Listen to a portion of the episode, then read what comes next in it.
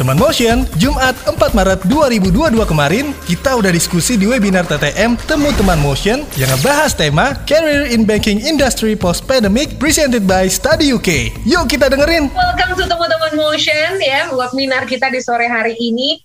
Dan hari ini menarik banget teman motion karena kita akan ngebahas soal karir ya, karir nih. Kalau ngomongin soal karir, tau gak sih di pandemi ini ya, ada satu hal yang naik daun yaitu adalah literasi keuangan teman motion. Itu bagus banget sih. Jadi orang-orang muda gitu ya, itu semakin paham soal keuangan. Nah kalau keuangan semakin paham, berarti banking ya, kalau kita punya karir di banking juga kan semakin bagus gitu. Nah tapi gara-gara ada pandemi ini, kelihatannya nih banyak juga fresh graduates yang jadinya akan banyak juga yang jadi telat masuk kerja gitu. That's why kenapa hari ini kita akan bisa dapetin insight untuk bisa berkarir atau career in banking industry post pandemic. Wah, mantap sekali nih. Jadi buat yang sudah hadir di sini, halo-halo semuanya ya. Nanti kita juga bakal bisa bertanya-tanya, jadi tenang aja. Uh, boleh bertanya langsung, tapi aku mau sapa-sapa dulu narasumber kita yang sudah bareng sama uh, Motion dan juga Study UK British Council di webinar kita di sore hari ini. Nah, hari ini Narasumbernya yang pertama ada Kak Francisca Usman. Kakak ini adalah Bank and Finance Service Consultant Michael Page. Hai Kak Francisca. Halo, hai Cheryl. Hai, apa kabar? Selamat sore. Baik. Kamu gimana? Baik. Baik dong tuh. Iya, warna baju merah. Nice. Iya.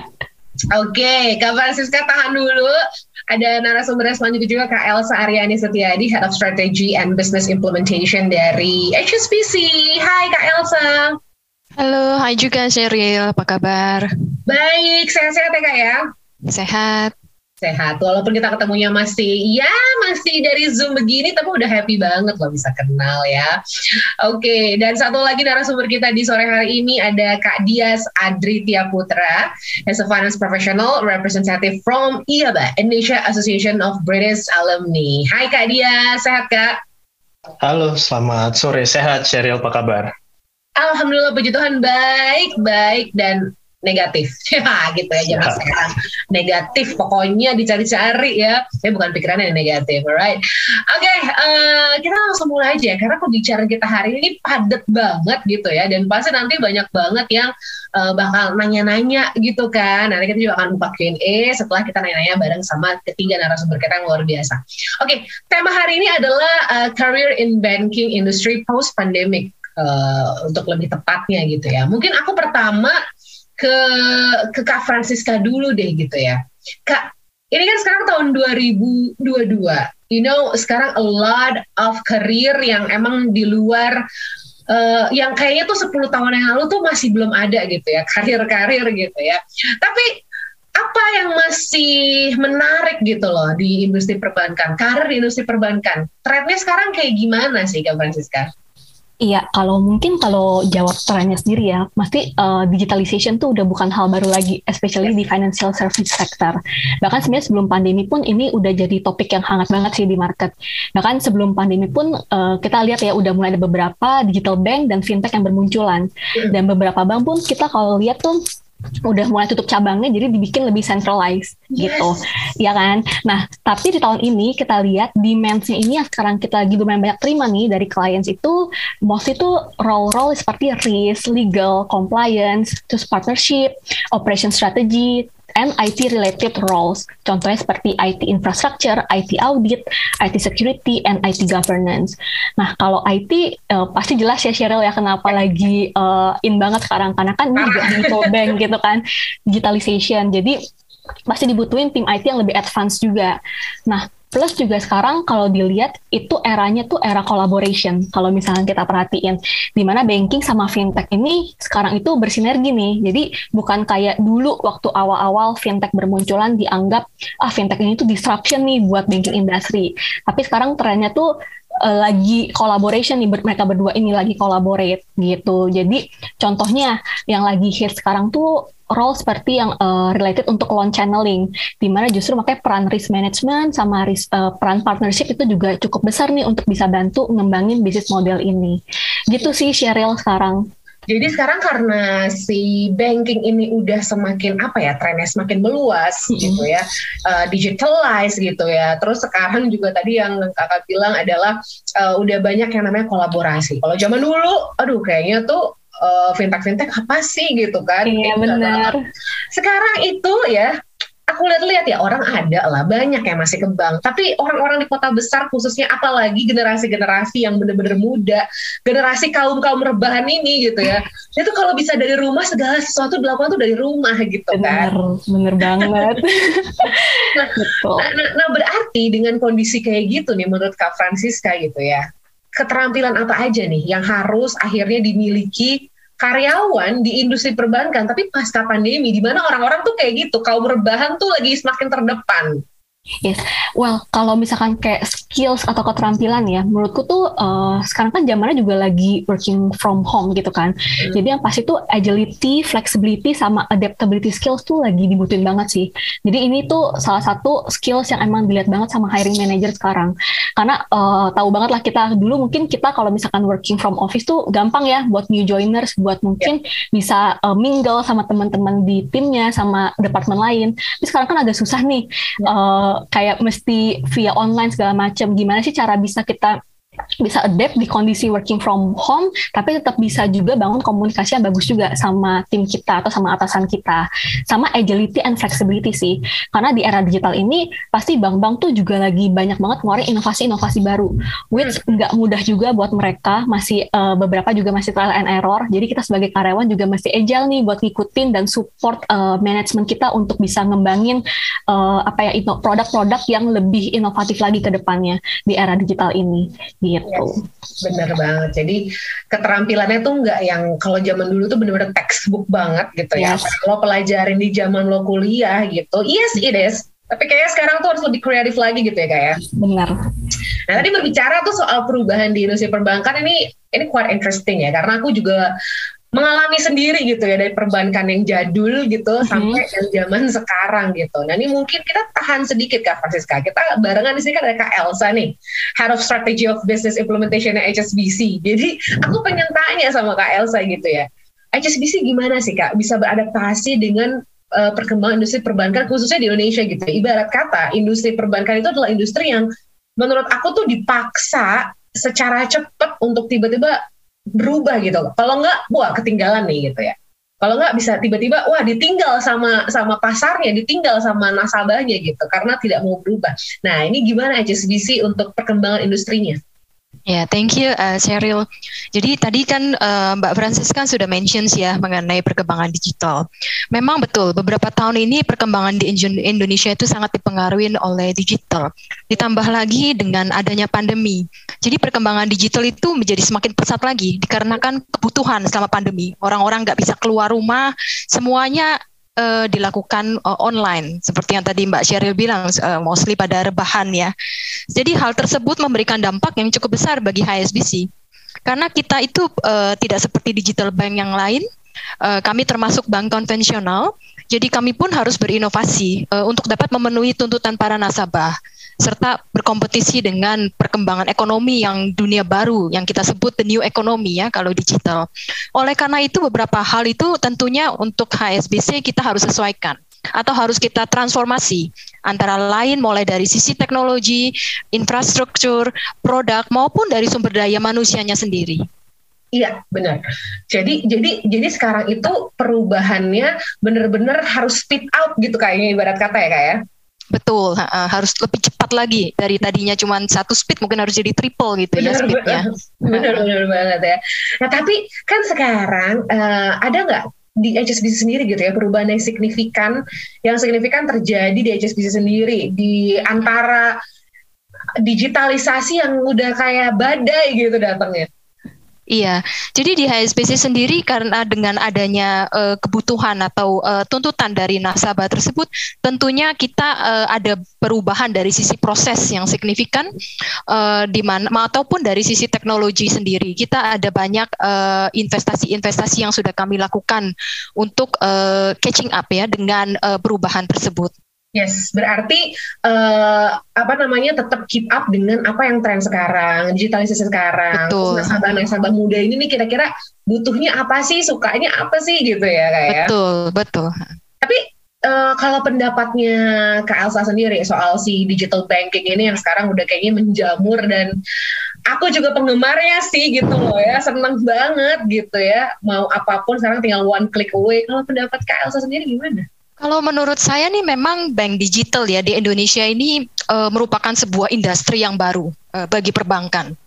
Apalagi di Indonesia ini merupakan negara dengan populasi terbesar nomor empat ya di dunia. Dan uh, dengan adanya digital bank ini uh, sangat banyak manfaat uh, yang diberikan kepada uh, para nasabah ya. karena ini memberikan kemudahan yang cukup banyak, waktu yang lebih cepat dibandingkan bank konvensional tentunya dan dari sisi biaya perbankan pun uh, untuk dari nasabah menjadi lebih murah ya. ya dan ya. waktu pun juga lebih uh, efisien karena selama ada perangkat yang terkoneksi uh, ke internet semua transaksi dapat dijalankan. Dan uh, oleh karena itu uh, ini kita semua dari uh, perbank banking nasional uh, konvensional juga tentunya berlomba-lomba untuk memperkuat atau catching up dengan uh, layanan digital agar tetap memberikan kenyamanan uh, bagi para nasabah kita supaya uh, tetap bersaing ya. Dan uh, selama ini beberapa tahun terakhir uh, kita banyak uh, ada investasi untuk uh, memperkuat layanan digital bagi para nasabah korporasi maupun retail kami. Uh, sebagai contohnya SSBC juga ada platform uh, HSBC Net atau OmniCollect atau Digital Account Receivable Tools. Semua itu merupakan platform digital untuk uh, nasabah korporasi sehingga memudahkan mereka para korporasi tersebut untuk mengelola cash flow ataupun collection payment atau piutang-piutang mereka sehingga uh, transaksi menjadi lebih cepat dilakukan. Yeah. Jadi uh, menurut saya transformasi digital bank ini uh, tidak hanya membuka peluang bagi bank digital, tapi juga peluang untuk bank konvensional untuk terus selalu berinovasi untuk memberikan layanan yang terbaik untuk para nasabahnya. Benar. Jadi sekarang ini dengan bank-bank uh, bank-bank yang apa namanya konvensional juga harus transformasi ibaratnya gitu ya kalau saya. Betul. Ya kan. Nah, kalau kita balik lagi nih ke Kak Francisca nih. Sekarang kan udah berubah nih. Orang-orang udah nggak meninggalkan sih, tapi jarang yang mau datang lagi misalnya ke bank. Maksudnya udah deh yang yang apalagi dengan tambah adanya pandemi ya, kayak semakin bank pun juga semakin menahan diri gitu. Gimana cara biar memudahkan deh, udah deh customernya nggak usah datang deh gitu ya. Kita limit kita kasih gede ya kan, limit untuk transfer digedein segala macam gitu. Nah, gimana kalau begitu cara menemukan pekerjaan yang cocok nih di industri perbankan yang akhirnya bisa sesuai dengan latar pendidikan kita nih misalnya? Oke, okay, kalau ngomongin apa uh, cari kerja yang sesuai dengan latar pendidikan, berarti ini mungkin lebih ke fresh graduate kali ya. Iya. Yeah, buat uh, uh, yeah. kalau buat fresh graduate sendiri sih, uh, menurutku ya uh, pasti bingung kan, mau tak ah gue lulusannya misalnya dari teknik atau dari accounting atau dari mana gitu kan bingung mau masuk ke bank tuh lewat mana. Nah menurutku tuh lewat development program itu pilihan yang bisa diambil sih. Karena biasanya program-program seperti itu tuh nggak ngeharusin harus lulusan dari jurusan ABC karena biasanya mereka nerima dari educational background apa aja. Tergantung ke banknya lagi sebenarnya baik lagi di situ. Nah enaknya kalau ikut program kayak gitu kalian bisa lebih uh, apa ya dapat exposure dari beberapa divisi. Karena kan kalian akan di rolling juga kan di rolling ke beberapa departemen. Jadi bisa dapat lebih uh, apa ya banyak bayangan gitu loh. Kenapa uh, kira-kira kalau divisi ini seperti apa sih? Divisi lain seperti apa sih? Jadi nantinya uh, kelihatan nih pas udah uh, at the end of the program kalian kayak oh oke okay, gue kayak lebih cocok ke divisi yang kayak gini deh gitu. Karena sebenarnya kan di bank sendiri tuh kalau boleh share sedikit itu tuh ada three line of defense. Jadi ada first line, second line, dan third line gitu kan. Nah kalau first line itu tuh biasa consist of roles yang hubungannya dengan bisnis. Ya biasa tuh mereka tuh yang execute uh, apa ya execute program-program yang ada di uh, bisnis. Contohnya misalkan orang-orang yang ada di cabang, sales, mungkin operation, terus juga orang produk yang bikin produk atau bikin promo-promo. Nah itu kan orang-orang yang execute kan di lapangan. Nah kalau second line itu biasanya contohnya orang-orang yang lebih ke bagian kontrol. Jadi yang lebih di belakang meja tuh yang contohnya role-role seperti risk atau compliance atau legal mungkin di mana mereka ini lebih monitor terus lebih create policy terus mungkin provide guidance juga nih buat orang-orang yang ada di first line dan second line yang sorry yang ada di first line nah yang terakhir tuh third line. Nah third line ini tuh diisi sama orang internal audit di mana mereka uh, lebih dapat uh, apa ya helikopter view dari sisi bisnisnya. Jadi mereka tuh biasanya ngasih recommendation, ngasih advice juga nih ke first line sama second line. Jadi dari sini kan kelihatan nih, kira-kira oh aku cocoknya ke role yang kayak gimana ya? Apakah yang lebih di belakang meja atau lebih yang ke depan yang lebih execute jadi jadi eksekutornya kayak gitu. Hmm. Gitu sih. Nah, itu tuh itu menarik sih tadi insight yang kakak kasih gitu ya. Nah, mungkin sekarang kita langsung tanya nih sama yang udah nyemplung gitu ya.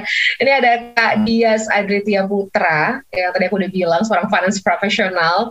Kak, sebelum menceritakan pengalaman ini ya, aku pengen nanya nih pengalamannya di dunia perbankan, di industri perbankan. Tolong kasih tahu dulu dong sebenarnya IABA itu apa sih dan kegiatan di IABA itu apa untuk mungkin alumni Inggris lah ya ini ya. Ini, ini apa nih coba Kak? Boleh, boleh. Uh, jadi IABA ini sebenarnya uh, uh, ikatan alumni British uh, apa namanya yang yang pernah berkuliah di UK sebenarnya. UK, jadi, uh, uh, nah mungkin sini udah ada uh, Zevanya juga. Mungkin uh, Zevanya bisa lebih uh, apa namanya bisa mengelaborasi lebih dalam lagi mungkin. Oh ada Zeva, uh, ada Zevanya. Halo, Kak Zevanya. Halo, halo. Halo. Nah mungkin kenalan dulu nih Kak Zevanya nih. Oke, okay, thank you, thank you. Halo, nama saya Zevanya Angelin. Saya adalah Sekretaris Jenderal dari Indonesian Association of British Alumni atau IABA. Ya, mungkin uh, aku jelasin dikit dulu ya. IABA itu jadi adalah organisasi uh, berbadan hukum yang menjadi wadah bagi para alumni uh, eh, UK. Jadi semua warga negara Indonesia yang pernah menempuh pendidikan di United Kingdom itu bisa join IABA. Nah, kemudian untuk visi kita itu adalah untuk menjadi uh, wadah ya yang nyaman bagi para alumni UK tersebut untuk membangun uh, relasi networking dan juga untuk saling berkolaborasi. Kemudian untuk misi kami itu uh, pertama kita mau fokus ke organisasi yang aktif. Jadi kita jalin hubungan dengan organisasi-organisasi yang uh, bisa membawa uh, added value ya untuk para alumni UK kayak misalkan dengan British Council hmm. atau dengan uh, British Embassy di Jakarta, kemudian dengan KBRI di London, PPI UK dan PPI cabang lainnya di UK. Kemudian kedua adalah kita fokus ke komunitas.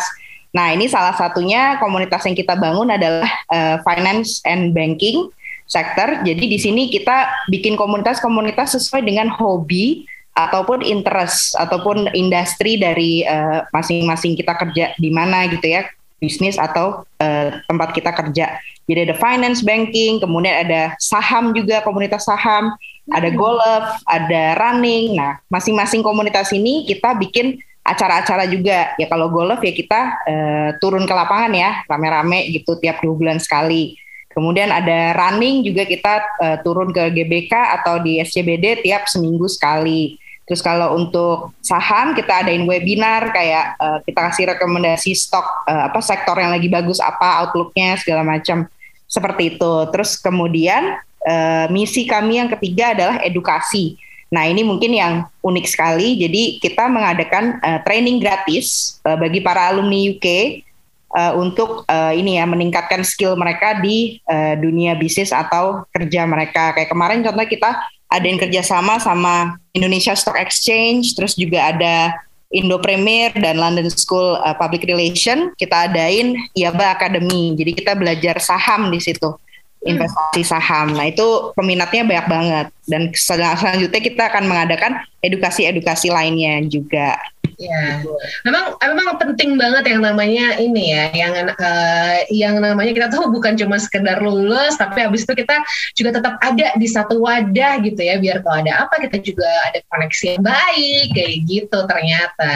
Jadi betul. Gitu. Wah, terima kasih banyak kak banyak penjelasannya. Tapi jadi siapa pun yang udah lulus uh, dari UK bisa ya ikut uh, IABA ini ya? Bisa, bisa. Siap. Oke, okay, Kak Zevanya. Thank you. Itu kira-kira penjelasannya. Nah, kita balik ke Kak Dias nih, Kak. Nah, Kak, udah berapa tahun sih nyemplung di industri perbankan tuh udah berapa tahun? Oke, saya dulu pertama kali masuk itu udah sekitar lima tahunan ya. Okay. Uh, dan tadi yang udah disampaikan juga sama Kak Francisca, jadi saya masuk itu sebagai MT waktu itu. Dan kalau MT kan mentalitasnya udah harus siap ditempatkan di mana aja ya. Jadi saya sudah menyiapkan mental saya untuk ditaruh di uh, mana pun waktu itu, uh, waktu itu. Tapi uh, untungnya mm-hmm. pada saat penempatan saya ditaruh di uh, wealth management group gitu. Jadi uh, ada masih ada kaitannya dengan capital market pada saat itu. Jadi uh, sebenarnya cukup menarik. Jadi pada saat di wealth management group itu sendiri, saya bisa melihat uh, banking itu tidak hanya dari sisi uh, uh, kredit dan apa namanya uh, dari sisi kreditnya aja, which is uh, kayak banking konvensionalnya, tapi dari sisi capital marketnya juga, di mana uh, sebenarnya untuk uh, wealth management group kan biasanya keuntungannya atau uh, revenue-nya banyak didapat dari uh, dari capital marketnya juga gitu sih kurang lebih seperti itu. Ya, jadi udah sekitar lima uh -huh. tahun dan so far how do you like it? Gimana nih apa namanya pengalamannya dan se-enjoy apa sih kak? Uh, fun sih sebenarnya ya karena uh, kebetulan tadi yang udah disampaikan sama uh, Bu Elsa sama Kak Francisca itu benar banget. Jadi pada saat saya uh, masuk ke Wealth Management Group ini itu banyak banget project. Jadi saya juga uh, karena part of MT gitu ya. Biasanya MT ini uh, diasumsikan oleh manajemen tuh harus bisa segalanya lah kasarnya seperti itu. Jadi uh, di situ waktu saya masuk ke WMG ini banyak sekali proyek yang bersangkutan sama IT gitu loh. Jadi tidak sem uh, tidak semata-mata kita harus ngerti IT untuk bisa mengikuti proyeknya. Yang penting kita harus bisa beradaptasi lebih cepat mungkin ya. Jadi ngerti flow-nya seperti apa, kemudian uh, back end-nya kira-kira seperti apa. Jadi menurut saya tadi yang disampaikan sama Kak Francisca itu betul banget. Jadi kita harus bisa beradaptasi lebih cepat lagi, terutama kalau misalkan uh, banknya ini benar-benar dalam masa transformasi ke digital tersebut seperti itu sih. Tapi overall it's fun sih sebenarnya ya, fun banget. Banyak banget yang yang bisa didapat lah dari pengalaman itu. Yes, benar banget. Nah, wah ini berarti udah semakin tertarik. Mungkin ada teman-teman yang oke okay, kayaknya nih mengikuti jejak Kak Dias gitu ya. Tapi kan Kak Dias berarti lulusan di UK uh, eh, waktu itu di mana Kak? Saya dulu di uh, Coventry University. Di Coventry ya? Lulus Ambil. 2015. Ya, dulu saya ngambil investment management investment management. Nah, hmm. pendidikan internasional nih kita ngomongin ya. Bagaimana pendidikan internasional nih ngebentuk karir Kak Dias di Indonesia gitu ya? Uh, nah ini menurut saya sangat berpengaruh sekali sih karena uh, terutama di capital marketnya sendiri ya uh, banking pun juga uh, karena banyak sekali mungkin produk-produk yang ada di luar yang ada di uh, Inggris terutama mungkin tidak semuanya ada di Indonesia juga itu itu menurut saya yang paling unik sih dari situ dan menurut saya yang paling utama kalau misalkan kita sudah uh, apa namanya sudah diberi kesempatan untuk kuliah di uh, di Inggris gitu ya. Menurut saya alangkah baiknya kalau kita ikut uh, apa namanya seperti society juga gitu loh. Jadi uh, kebetulan saya waktu itu uh, ikutan uh, investment society gitu ya. Jadi saya terlibat juga tuh dalam uh, ikut kompetisi dan lain sebagainya. Dan di situ saya mulai melihat uh, betapa bedanya lah uh, industri uh, banking di Inggris dan juga uh, industri banking di Indonesia. Jadi menurut saya kalau misalkan uh, kita mengambil uh, edukasi di terutama di Inggris gitu ya atau di uh, luar itu kita bisa melihat perspektif yang sangat berbeda sih dibandingkan dengan yang ada di Indonesia seperti itu. Jadi lebih luas lah ya perspektif kita lebih Betul. luas ya. Yeah. Tapi berarti kalau menurut Kadias potensi lulusan uh, mahasiswa internasional gitu ya dan mungkin hmm. mahasiswa lokal gitu untuk bekerja di industri perbankan Gimana nih kalau menurut Kak dia sendiri? Um, menurut saya kalau jalur ini menurut saya tergantung jalurnya ya. Kalau misalkan jalurnya melalui MT yang tadi disampaikan sama Kak Francisca itu menurut saya uh, lebih leluasa lah. Itu mau mau domestik mau internasional menurut saya uh, apa namanya lebih terbuka untuk semuanya seperti itu. Tapi kalau misalkan mau yang sangat spesifik Nah ini biasanya yang mungkin akan sedikit lebih challenging gitu. Karena kalau misalkan udah spesifik itu either mereka nyarinya memang yang uh, lulusan uh, luar gitu ya yang memang wawasannya memang harus luas banget atau biasanya nyarinya yang udah pengalaman. Karena uh, diasumsikan kalau misalkan udah ada pengalaman tiga tahun atau lima tahun itu sudah sangat spesialisasi sekali ke uh, industri tersebut. Kurang lebih seperti itu sih. Ya, ya, ya. Oke. Okay. Hmm. Wah, nanti mungkin kalau misalnya mau nanya lebih lanjut DM Kak Dia saja. Boleh, boleh. Atau nanti kan kita ada question and answer, kita ada Q&A. Jadi ini di tengah-tengah kita ngobrol kayak gini, kalau misalnya udah ada pertanyaan, boleh langsung ditanyain aja ya teman-teman. Ya tulis pertanyaan di question box. Jadi nanti bisa kita tanyain, nanti kita ngobrol-ngobrol nih. Sekarang karena tadi ngobrol sama Kak Dia soal lulusan uh, luar gitu ya, aku jadi tertarik nanya lagi deh sama Kak Elsa nih. Kalau HSBC ada nggak sih program yang punya gitu ya, yang dimiliki HSBC untuk ngedukung karir-karir lulusan perguruan tinggi? Ada nggak tuh Kak? Ya, uh, betul sekali uh, Pak Sheryl. Uh, ada di HSBC. Uh, jadi kami memiliki uh, graduate program namanya. Hmm. Ini hampir sama dengan yang uh, Kak Dias tadi uh, sebutkan ya. Itu uh, hampir sama dengan kayak manajemen trainee program. Program tersebut uh, berlangsung selama 24 bulan dan tujuan dari program ini adalah untuk menciptakan pemimpin-pemimpin baru nantinya di masing-masing lini bisnis maupun uh, support function operations kita. Dan target partisipan kami adalah uh, dari fresh graduate hmm. atau uh, para profesional dengan maksimal uh, dua tahun pengalaman kerja. Nah, seleksi program ini sendiri tuh uh, cukup ketat. Dan selama berlangsungnya program tersebut, uh, para peserta itu akan dirotasi setiap enam bulan sekali ke setiap departemen di cross business maupun function. Dan setiap enam bulan akan ada evaluasi sampai dengan selesainya program tersebut nanti uh, peserta akan langsung menempati level di mana levelnya itu manager managerial level. Untuk tahun ini di 2022 kami memiliki uh, dua graduate program yang kami buka untuk uh, bisnis retail kami yaitu wealth and professional uh, personal banking dan bisnis korporasi kami atau di commercial banking. Kami menargetkan kita akan meng-hire 6 graduates untuk uh, bisnis retail dan empat orang untuk bisnis commercial banking kami. Jika ada yang eh, teman-teman uh, yang uh, sedang mendengarkan uh, ini dan berminat untuk mendaftar, maka dapat langsung ke website HSBC di bagian uh, karir. Uh, ini flyernya uh, bisa dilihat uh, dan uh, bisa langsung uh, dicek ke situ. Begitu uh, Mbak Sheryl.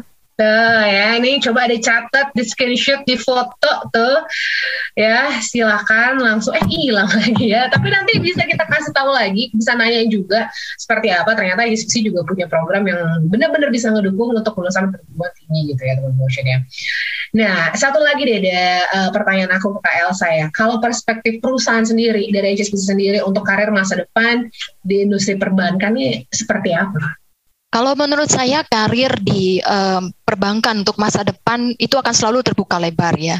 Seperti yang tadi Mbak Sheryl uh, jelaskan di awal bahwa ini ibaratnya perbankan tuh nggak ada matinya gitu ya. Yeah.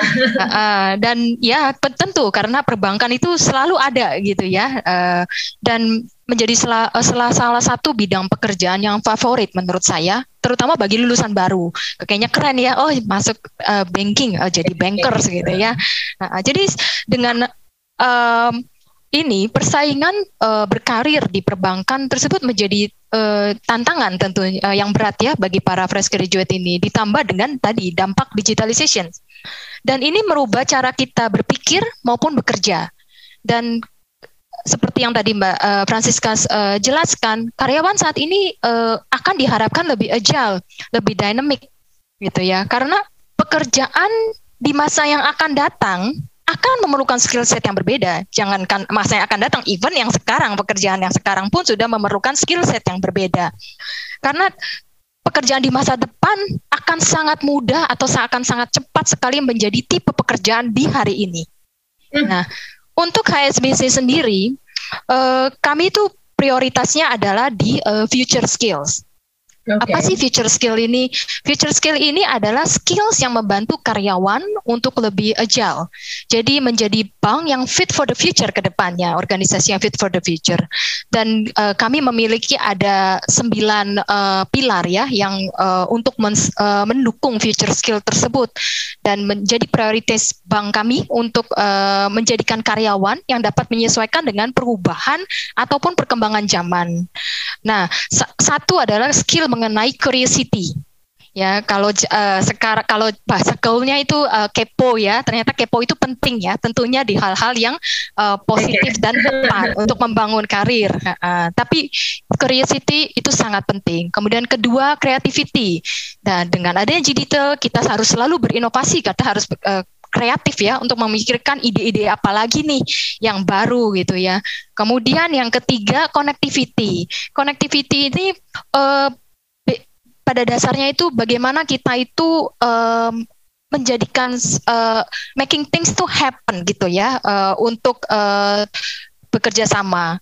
Dan kemudian yang keempat itu resilience. Resilience tentunya kita di uh, dunia yang agile sekarang kita ibaratnya harus seperti karet ya uh, resilience that's kena challenge beberapa kali jangan sampai patah semangat harus selalu uh, uh, resilience uh, seperti karet ya bisa uh, bounce back gitu ya even better. Kemudian yang kelima mengenai customer engagement. Tentunya dengan bekerja di perbankan, bisnis perbankan memerlukan uh, engagement dengan customer yang uh, baik juga. Dan yang keenam mengenai uh, developing others karena kita ini uh, bekerja enggak untuk individu, untuk diri sendiri, tapi kita juga punya ketanggung jawab untuk developing tim kita atau uh, bersama dengan peers juga, saling develop. Dan ke delapan adalah mengenai change. Nah, uh, change and transformations. Uh, sorry itu yang ketujuh ya. Change and transformations ini tuh sangat penting karena seperti yang tadi disebutkan oleh Mbak Siska dan Pak uh, Kak Dias hmm. bahwa transformations itu happen every day sekarang. Ya, jadi we, uh, kita itu harus uh, bisa uh, cope with that ya. Gimana caranya kita harus navigating uh, yeah. change and transformation tersebut. Dan yang ke-8 tentunya managing communication sangat penting ya. Kalau kita eh, nggak uh, bisa berkomunikasi dengan baik, tentunya akan sulit di ke depannya uh, untuk uh, future skill tersebut. Dan yang paling penting terakhir yang diperlukan dari masing-masing individu adalah growth mindset growth mindset adalah bagaimana mind, cara mindset kita untuk selalu berkembang, bertumbuh ya seiring dengan uh, perkembangan zaman. Jadi itulah uh, future skill yang uh, kami prioritaskan uh, saat ini, uh, Kak Sheryl. Ya, aku I do agree 100% ya uh, sama Kak Elsa. Future skills itu bener-bener kalau zaman dulu ya kita butuh misalnya kerja di dunia apa ya, dunia perbankan ya udah berarti butuhnya gini gini gini gini gini gitu ya. Dunia kedokteran ya begini begini begini. Tapi sekarang itu future skills tuh kayak mendominasi semua di mana mungkin lo bagus secara akademis tapi you don't have those future skills kayaknya Betul. emang kadang-kadang HRD juga jadi melihat lagi gitu ya. Betul. ya. Contoh jago misalnya seorang dokter dia pinter sekali tapi dia tidak bisa mengkomunikasikan kepada pasiennya juga salah. Ya seorang perbankan tapi nggak bisa mengkomunikasikan juga salah. Jadi ternyata future skills sekarang penting banget banget. Betul sekali. Benar nggak Kak Dias? Setuju nggak Kak Dias dengan apa yang tadi disampaikan Kak Elsa? Setuju, setuju banget. Jadi uh, menurut saya communication skill itu juga menjadi hal yang penting ya, karena menurut saya uh, di mana pun kita berada, kita pasti akan diharuskan untuk menjelaskan sesuatu, terutama ya. untuk presentasi juga, gitu ya. Mungkin saya sedikit share uh, pengalaman saya pertama kali kerja di perbankan, itu saya baru berapa ya, seminggu lah di WMG itu tiba-tiba bos saya suruh saya presentasi gitu sedangkan saya belum terbiasa gitu kan dengan presentasi jadi mau nggak mau ya diceburin tapi dari situ kan kita jadi belajar ya biasanya ya kalau misalkan seperti itu. Jadi uh, menurut saya communication skill terus uh, adaptability juga tadi yang disampaikan sama uh, Bu Elsa itu juga menurut saya sangat penting sih. Iya, benar, benar, benar. Makanya sekarang anak-anak udah early stages education udah pada belajarnya by project ya, belajar presentasi udah dari segini mungkin tuh. That's good. Nah terus kalau dari Kak Dia sendiri, tips nih untuk pelajar-pelajar Indonesia nih dan juga fresh graduates yang pengen untuk bekerja di industri perbankan nih, kalau dari Kak Dia sendiri juga udah nyemplung, apa tipsnya? Uh, menurut saya uh, mungkin harus diketahui dulu ya uh, pengennya ke mana dulu gitu karena dari situ menurut saya itu bisa sangat membantu pas masuk ke program manajemen trainingnya itu akan sangat membantu arah dari keinginan kita sendiri. Jadi misalkan saya masuk ke manajemen training, terus saya udah tahu nih, saya mau ke apa namanya, saya mau ke bidang apa di perbankan tersebut. Tuh, jadi dari situ menurut saya akan lebih mudah sih. Jadi menurut saya ketahui dulu apa yang diinginkan gitu dari uh, program manajemen training tersebut. Karena kalau di manajemen training yang tadi udah disampaikan sama Bu Elsa sama uh, Mbak Francisca juga itu harus siap ditaruh di mana aja gitu. Jadi uh, menurut saya possibility-nya endless sih kalau misalkan uh, masuk ke program manajemen training tersebut dan mungkin jangan picky gitu. Jadi kalau misalkan memang pengen banget masuk ke perbankan, ya semuanya aja coba di apply gitu kan. Yang penting masuk manaj uh, program manajemen trainee dulu, mungkin bisa di HSBC, mungkin di uh, perbankan yang lain, diterima dulu. Habis itu banyak belajar dari situ dulu gitu banyak banyak banyak belajar banyak banyak uh, pengalaman dari situ menurut saya uh, apa namanya untuk bisa berpindah ke bank yang lain itu uh, akan sangat mudah sih seperti itu. Yes, tuh udah dapet tips dari dari Kak Dias. Mungkin buat yang masih malu-malu mau nanya aku kasih tahu ya. Nanti buat dua penanya yang beruntung akan mendapatkan merchandise dari Study UK. Jadi please nanya. Biasanya tuh kalau nanya tuh malu-malu Kak. Gak apa-apa ya. Karena juga emang lagi konsen banget ngedengerin seru banget pembicaraannya. Dan mungkin aku nih mau sedikit ke Kak Francisca ya dari pembicaraan kita tadi kak dan juga mungkin dari pengalaman kakak gitu ya prediksi dunia kerja di industri perbankan nih ke depan ini akan akan kayak gimana nih Well, sebenarnya kalau tanya prediksi agak susah ya, karena ya prediksi udah kayak ini ya kita. iya, saya kan kayak, ya. Uh, uh, saya kan sekarang juga kayak unpredictable banget gitu marketnya. Ya, ya. Kayak sekarang kita ngomong ah nggak nggak tahu juga kita ke, ke, ke depannya kayak gimana, apalagi waktu di masa pandemi kayak gini. Cuma kalau aku melihatnya mungkin uh, apa ya role-role yang uh, bisa bantu untuk proses improvement gitu nantinya. Mungkin orang-orang yang nanti bisa translate atau mungkin ngolah data dan hmm. itu diubah jadi recommendation atau strategi atau bisa diimplement ke depannya untuk bikin kebutuhan bank lebih optimis mungkin itu juga akan jadi uh, apa ya role yang dibutuhin juga sekarang.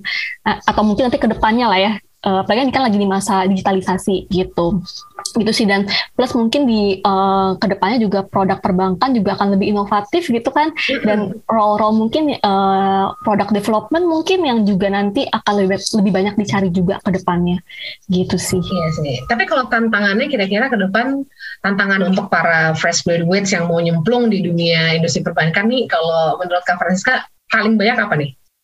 Tantangan ya. Challenge. Tantangan untuk untuk fresh graduate nih? Fresh graduate nih, baru nyemplung gitu, langsung ke perbankan. Well, tantangannya mungkin ini sih karena sekarang kan bank juga udah nggak kayak dulu ya dulu kan mungkin kalau konvensional mungkin uh, lebih bukan bukan bilang lebih santai juga sih tapi kita lebih udah tahu nih arahnya ke mana gitu. Kalau sekarang kan digital itu sih jadi mungkin tantangannya ya kita masih bisa agile walaupun sebenarnya settingannya tuh working from home gitu karena kadang pasti beberapa orang agak susah ya untuk new joiners yang baru join banget ke perbankan tapi settingannya masih working from home gitu. Jadi mungkin tantangannya sih bener-bener mesti mesti bisa adapt banget dan mesti bisa fleksibel banget sih. Nah, gitu. penting tuh bener. Adapt dan fleksibel ya di masa yang ternyata pandemi ini membuat kita sadar gitu kan. Hmm. Kalau ternyata hal bisa berubah hanya dalam hitungan Bener-bener. dan gak nyangka kayak udah dua tahun kan kayak gini. Jadi yeah. mesti benar-benar bisa adapt banget. Oke, okay. kalau menurut Kak Dias, tantangannya ke depan apa nih Kak di industri perbankan? Uh, menurut saya uh, revolusi dari teknologi itu sendiri sih. Karena uh, terutama dari bank-bank digital ya sekarang udah mulai menjamur banget bank digital dan ini akan menjadi challenge untuk bank-bank besar gitu. Uh, terutama untuk bank-bank uh, apa namanya bank-bank BUMN juga gitu ya. Karena uh, banyak dari mereka yang sudah mulai uh, transformasi juga gitu. Dan ini menurut saya akan menjadi challenge ke depannya dan pasti akan uh, sangat ketat sekali dari sisi kompetisi untuk uh, transformasi teknologinya dan tentunya dari sisi uh, COVID-nya juga nih tadi yang udah disampaikan sama uh, Mbak Francisca ya. Nih kita nggak tahu nih ini ini setiap hari berubah terus. Saya pun juga tiap minggu itu bisa berubah gitu, bisa tiba-tiba harus WFH semua gitu kan, terus tiba-tiba 25%, terus dinaikin jadi 50%, terus tiba-tiba minggu depannya jadi 100% lagi gitu. Jadi uh, adaptability dan fleksibilitas yang tadi disampaikan sama uh, Mbak Francisca itu dibutuhkan sekali sih untuk saat ini. Iya benar kita tuh ibarat hidup tuh kayak oh harus begini harus begini cepet waduh ya zaman sekarang yeah. udah udah terbiasa gara-gara pandemi ini gitu ya betul betul Oke, okay, kita mau baca pertanyaan Q&A ya. Ini sekali lagi buat teman motion, silahkan aja tulis pertanyaannya dan dua penanya yang beruntung akan mendapatkan um, merchandise dari Study UK. Jadi please do tulis pertanyaannya di kolom Q&A ya. Oke, okay, aku mau baca pertanyaan yang pertama dari Catherine. Apakah jadi kendala kalau pengen nyemplung di dunia bank ya atau perbankan gitu ya dengan background uh, yang tidak oh dengan background usia yang tidak muda lagi katanya gitu. Oh mungkin kan ini aku juga mungkin pertanyaannya nyambung gini. Ada orang-orang yang fresh graduates itu nggak di usia-usia produktif gitu loh, tapi dia baru fresh graduates gitu. Nah mungkin pertanyaan sudah sambungan ke situ tuh. Siapa nih yang mau jawab dulu? Mungkin Kak Elsa dulu? Boleh, Sheryl. Jadi uh, kalau menurut saya hal tersebut seharusnya tidak menjadikan halangan karena uh, berdasarkan pengalaman saya, saya uh, bergabung dengan perbankan itu setelah saya bekerja uh, hampir 10 tahun di non perbankan. Oh, oh ternyata begitu ya? Ya. Oh, jadi tidak tidak masalah. Yang penting sekarang ya itu skillsnya seperti Betul. apa? Karena tadi udah juga ya. Setuju nih dua-duanya. Dan kemauan belajar juga ya, karena kemauan belajar kita. Benar, benar, benar banget kak. Uh, tapi tapi tadi kan kita sempat bahas juga deh ya soal future skills itu. Tapi bener nggak sih ini setuju nggak kalau misalnya sekarang itu ya sisi akademis kalau zaman dulu kan dengan minimal IPK tiga berapa misalnya kalau dari Indonesia gitu ya. Well sekarang mungkin masih dilihat graduates dari mana, universitasnya juga baik gitu. Tapi other than that, apakah benar perusahaan itu juga melihat skill-skills yang itu tuh hampir di semua perusahaan, hampir di semua industri kayak gitu ya, kayak saya? Uh, saya rasa sekarang per, uh, sudah mulai berubah ya, uh, Cheryl, uh, dengan adanya ini ya future skill yang sangat penting gitu ya. Karena kita akan uh, tentunya kita akan selalu uh, mengassessnya itu harus balance antara akademik maupun non akademik. Nah, uh, buat apa kalau akademiknya itu is very good gitu ya, misalnya saya GPA 4, tapi the person is uh, tidak bisa bekerja sama atau uh, ya yeah, tidak bisa uh, you know uh, speak up or ya yeah, it's it's more on the individual. So mm-hmm. jadi kita harus selalu balance uh, untuk uh, mengakses uh, uh, partisipan untuk yang uh, mau join ke ini ya ke organisasi. Tentunya saya yakin nggak di perbankan saja sih yang seperti itu, non perbankan pun juga sama. Pasti sih, pasti sih. Oke, ini ada pertanyaan juga nih. Pertanyaannya ini dari YouTube kayaknya nih ya. Okay, pertanyaannya adalah pengalaman apa selama Kak Dias ada di industri perbankan yang paling nggak bisa dilupain? Apa Kak pertanyaan? Eh pertanyaan, pengalamannya Kak? Uh, pengalamannya mungkin yang sangat-sangat berkesan itu saya jadi bisa lebih apa ya? Jadi bisa lebih ngomong kali ya karena saya tidak saya karena saya jujur saya dari zaman kuliah itu jarang banget yang namanya presentasi dan biasanya kalau presentasi pun sangat scripted gitu kan Nah tapi karena tadi saya udah cerita baru seminggu udah disuruh presentasi di depan banyak orang gitu kan. Nah dari situ uh, saya mencoba tuh gimana caranya untuk bisa engaging sama audience, gimana caranya untuk bisa jadi lebih menarik, bisa lebih fun gitu kan. Apalagi yang saya presentasikan kan kerjaan gitu kan itu biasanya sangat membosankan gitu. Nah ini menurut saya itu yang paling apa namanya yang paling berharga sih. Pengalaman saya paling berharga dan dan itu saya bisa bawa ke mana-mana gitu kan. Maksudnya tidak harus hanya diperbankan aja. Kalau misalkan saya pengen ke uh, capital market gitu terjun langsung itu bisa juga saya bawa gitu kan. Jadi menurut saya itu sih pengalaman yang sangat berkesan sekali gitu. Oh mungkin satu lagi. Uh, ini pesan dari uh, ibu saya sih sebenarnya. Waktu saya masih kuliah tuh ibu saya selalu bilang kalau sudah kerja jangan pernah bilang enggak gitu. Kalau misalkan di dimintain tolong gitu kan sama bos, dicoba dulu gitu, dicoba dulu. Kalau misalkan nggak bisa, cari jawabannya gitu. Jadi menurut saya mungkin karena karena pesan dari ibu saya itu ya jadinya saya kayak yang oke okay, gimana caranya nih saya bisa menjadi lebih baik lagi untuk bisa membawakan materi untuk bisa lebih engaging sama audiens dan lain sebagainya seperti itu sih keren tuh wah ibunya Kak dia jempol ya. Keren loh maksudnya ya kan kalau kita udah kerja disuruh sesuatu jangan aduh sorry pak nggak bisa pak sorry pak gitu kan. Ya, betul. ya tuh kadang mungkin hmm. kadang bos tuh suka rada-rada ngetes gitu kan ya kan ngetes iya. gitu bisa nggak? Kalau ternyata hasilnya nggak masalah tapi are you there for my challenge? gitu kan kadang-kadang yes kan? betul betul. Hmm. oke okay, lanjut. X nah pertanyaan gini. Uh, selamat sore Kak Dias ada tips nggak untuk boosting karir di perbankan dengan kemampuan bahasa Inggris atau gimana sih cara menunjukkan potensi diri secara optimal katanya begitu. Oke, okay. udah kayak motivator nih Kak Dias nih. Oke, okay, uh, mungkin kalau uh, ini menurut saya perbankan ini luas ya, uh, luas banget. Uh, maksudnya bisa di kredit, bisa di uh, liabilities product, bisa di uh, retail, retail itu juga bisa di wealth management, uh, bisa di wealth management dan lain sebagainya. Nah ini uh, mungkin karena saya di bidangnya wealth management dan waktu itu saya jadinya fokusnya ke retail. Uh, menurut saya mungkin pengetahuan mengenai Excel ya Microsoft Excel itu sangat membantu gitu ya uh, karena uh, kalau bisa bahkan sebelum apa namanya sebelum terjun ke uh, ke pekerjaan tuh udah tau lah paling tidak basic-basicnya Excel gitu loh jadi uh, teman-teman tuh begitu masuk uh, disuruh mengolah data itu udah udah paham banget lah paling nggak uh, basic-basicnya dari Excel itu sendiri. Jadi menurut saya uh, pengetahuan mengenai Excel itu uh, uh, menurut saya dasar-dasarnya paling nggak tahu gitu ya dan mungkin mungkin cara membaca uh, laporan keuangan mungkin ya sedikit lah paling tidak uh, dasar-dasarnya tahu seperti apa kira-kira mungkin mungkin itu sih untuk untuk bisa terjun ke perbankan ya. Kalau terjun ke perbankan ya wajib lah ya. kalau saya sih baca Excel bisa pusuk nih mata nih kayaknya nih. Belum terbiasa aja mungkin. Belum terbiasa bener. Oh, bener bener bener bener. Oke okay, oke. Okay. Tapi aku ada pertanyaan sih gini ya. Hmm, sekarang ini kan perbankan udah tadi udah diceritain kalau switching gitu segala macam ya.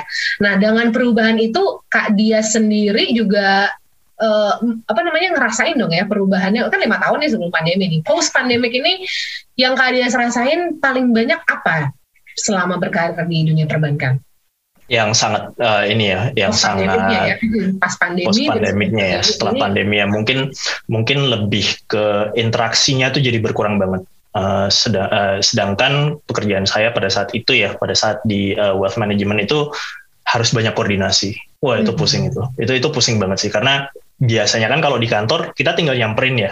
Kalau misalkan datanya lama gitu kan atau minta tolong ini itu gitu, itu kita bisa langsung nyamperin gitu. Tapi sekarang mau nggak mau harus lewat telepon gitu, telepon atau melalui Zoom seperti yang kita lakukan sekarang gitu. Nah itu kadang kadang suka nggak enak hati gitu kan. Kadang kan kayak aduh ini lagi ngapain ya gitu kan. Tapi ya gimana ya mau nggak mau ya harus harus diberanikan sih rasa nggak enaknya itu harus dihilangin gitu. Karena ya defense-nya kan ah lagi jam kerja jadi nggak apa-apa dong ha, apa namanya kalau misalkan harus dihubungin gitu. Di mana sebelumnya takut ganggu mungkin lagi sama keluarga atau lain sebagainya gitu. Jadi uh, menurut saya itu saya struggle-nya di situ waktu awal-awal pandemi. Karena yang biasanya kita bisa tinggal samperin ini sekarang harus telepon koordinasinya jadi Oh, mungkin iya. tiga bulan tiga bulan empat bulan pertama tuh koordinasinya tuh berantakan banget lah pada saat itu. Itu jadi uh, apa namanya butuh adjustment yang sangat uh, apa namanya yang sangat uh, signifikan lah pada saat itu untuk bisa uh, business as usual lagi. Gitu. yes benar. Kalau Francisca gimana kak? Perubahan perbankan ya setelah pandemi. Ya, perubahan yang kak Francisca rasain sendiri gitu ya dari du, apa hidup kita sebelum negara api menyerang yaitu bulan Maret itu yeah. ya. dan sekarang itu yes. Iya. mungkin kalau aku lihat dari sisi perbankan sendiri ya dari sisi rekrutmen sendiri gitu waktu awal-awal uh, pandemi 2020 itu tuh slow banget tuh. Kayak mata banking juga mungkin kaget lah ya. Yeah. uh, tiba-tiba langsung kayak lockdown dan lain-lain. Just di mana sebelumnya tuh uh, mungkin Mbak Elsa juga tahu dulu kan kalau bankers itu mesti kerja dari kantor kan stigmanya. Ya kan kalau nggak kerja dari kantor tuh mungkin agak susah nih nanti. Cuma ya ternyata uh, bisa kok nih setelah pandemi ini kerja dari rumah gitu. Dan mau malah jadi lebih uh, kreatif mungkin jadi lebih banyak ngeluarin produk-produk yang inovatif. Itu satu sih. Terus yang kedua juga kalau aku lihat uh, karena awal-awal 2020 tuh waktu pandemi baru hit itu juga agak slow rekrutmen pun juga agak berkurang. Cuma kalau dilihat dari sekarang nih mau kita nggak sisi rekrutmen di 2021 sampai sekarang itu justru demand-nya lagi tinggi banget. Turnovernya lagi cukup tinggi. Kalau dilihat mungkin karena bank udah tahu strateginya mau ke mana gitu ya. Dulu waktu pandemi awal mungkin mereka hiring freeze karena takut. Jadi kalau kebutuhan hiring pun juga untuk replacement aja. Tapi sekarang karena mereka udah tahu strateginya mau ngapain, ke depannya mau ngapain, dan banyak transformasi, banyak uh, restructuring, banyak juga uh, mereka konsolidasi. Kalau lihat beberapa bank kecil juga sekarang konsolidasi sama beberapa bank juga gitu kan. Nah itu tuh munculin opportunities-opportunities baru sebenarnya. Dan dari sisi pencari kerja pun uh, mereka justru, justru jujur dari kalau dari arah karyawan sendiri mereka juga jadi gain more confidence gitu buat pindah buat coba uh, apa ya new company atau mungkin buat coba new challenge lagi di company yang lain. Dan kalau uh, kita juga kebetulan Michael Page juga sempat ngadain talent survey di 2022 ini dan dari talent survey kita kelihatan sih sebenarnya kenapa tahun 2022 ini banyak banget nih yang resign gitu kan turnover kenapa cukup tinggi gitu. Sebenarnya uh, bukan cuma faktor salary gitu. Tapi kedua juga uh, faktor dari uh, work life balance sama company's culture. Karena itu jadi salah satu faktor yang uh, cukup apa ya krusial juga sih buat buat karyawan nih kayak kita sekarang work life balance sama company's culture. Bahkan aku sempat nemu beberapa kandidat yang willing to take pay cut gitu kan buat pindah ke company lain yang penting mentalnya sehat gitu. Jadi itu salah satu hal yang cukup penting juga sih sekarang setelah pandemi. Karena semua orang jadi aware, sadar, yeah bahwa money is not everything, but your health and insanity itu adalah everything ya sekarang. Ya. Jadi kita lebih menghargai hal yang kecil yang dulu kita apa take it for granted lah yes, gitu Oke, okay, kalau begitu aku ingin uh, sebelum kita closing statement ya dari narasumber kita, aku ingin mengucapkan selamat karena Catherine dan Putu Debisari mendapatkan uh, ini oleh-oleh aja oleh-oleh ya mendapatkan merchandise dari Study UK. Selamat nggak ada efek tepuk tangan gitu ya. Selamat sekali lagi dan uh, ini yang terakhir nih aku pengen nanya closing statementnya deh kalau gitu dari narasumber-narasumber kita karena udah banyak banget insight dan aku yakin juga uh, teman motion udah semakin ini semakin oh sebentar ada satu lagi pertanyaannya yang ini nyangkut nih tadi ya. Oke, satu lagi deh. Talent atau bidang non IT yang saat ini ngetrend menjadi demand tinggi dari perbankan nih apa nih? Oke, siapa yang mau jawab nih? Kalau menurut saya berdasarkan observasi ya, kayaknya data analitik itu sangat dibutuhkan di bagian IT. Karena zaman sekarang ini, zaman digital, data itu merupakan sumber informasi yang paling berharga dibandingkan yang lain dan bagaimana cara kita mengolah data tersebut menggunakan IT tools yang kita punya dan itu akan sangat bermanfaat. Wah, tuh cakap jawabannya langsung gamblang tuh tadi itu data analytics nih. Ke depannya akan dibutuhin mengolah si data-data itu menjadi sesuatu gitu ya. Notion. Thank you pertanyaannya, Kece. Alright, jadi sekali lagi selamat untuk Catherine dan juga Putu Debisari. Dan sebelum kita closing, uh, aku pengen tanya sekali lagi nih, kalau gitu mungkin dari Kak Francisca dulu deh nih, closing statementnya nih untuk teman motion, semua yang pengen starting the career in banking industry ini. Gimana nih Kak? Yes, mungkin buat teman-teman yang sekarang juga fresh graduate atau mungkin juga uh, profesional, mungkin udah punya pengalaman 2-3 tahun kerja yang lagi emang aktif cari kerja juga, feel free sebenarnya untuk reach out juga ke agency kayak Michael Page. Siapa tahu kita juga bisa punya uh, job vacancy kan yang cocok dengan untuk kalian. Yang kita juga bisa kasih uh, konsultasi juga sebenarnya ke kalian kira-kira uh, dengan background kalian seperti itu, dengan passion kalian, kira-kira apa sih yang bisa cocok untuk karir kalian ke depannya. Gitu sih. Oke, terima kasih Kak. Lalu Kak Elsa mungkin dari Kak Elsa. Oke, okay, uh, eh, closing statement saya untuk para fresh graduate atau yang uh, baru bekerja dan selalu semangat ya dan uh, rim, uh, ingat uh, selalu uh, curious in everything uh, we do. Itu aja sih, Cheryl. Always curious in everything we do. I love it. Oke, okay, kalau Kak Dias gimana nih Kak? Uh, mungkin jangan jangan ini ya jangan mudah menyerah ya.